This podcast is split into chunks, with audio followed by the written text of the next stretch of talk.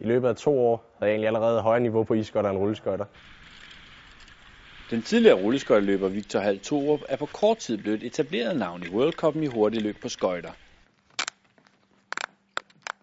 Men i Danmark findes der slet ingen brugbare skøjtebaner, så han er nødt til at træne sammen med rulleskøjtelandsholdet. Det er en frustration på en måde, at, at alle mine konkurrenter egentlig har, har bedre forudsætninger for at klare sig godt. Med det budget, de nu har, for eksempel i Holland, hvor det er en kæmpe sport, og de har mulighed for at gå på is hver, hver eneste dag.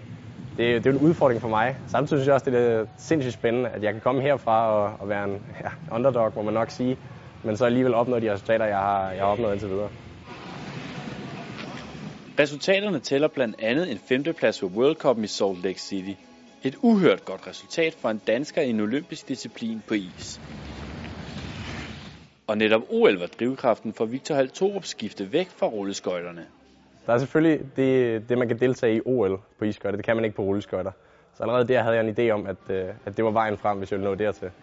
Øh, så blev jeg tilbudt af den daværende isskøjtlandstræner at forsøge mig på is øh, i form af en træningssamling, hvor jeg så egentlig i løbet af få dage fandt ud af, at det var fedt, og det skal jeg prøve, prøve igen.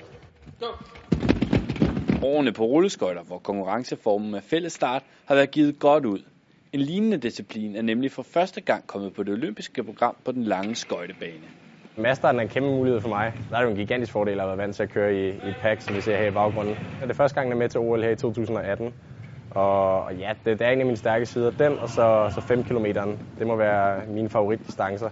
Der er to år til næste vinter-OL, som er det helt store sigte for den 21-årige.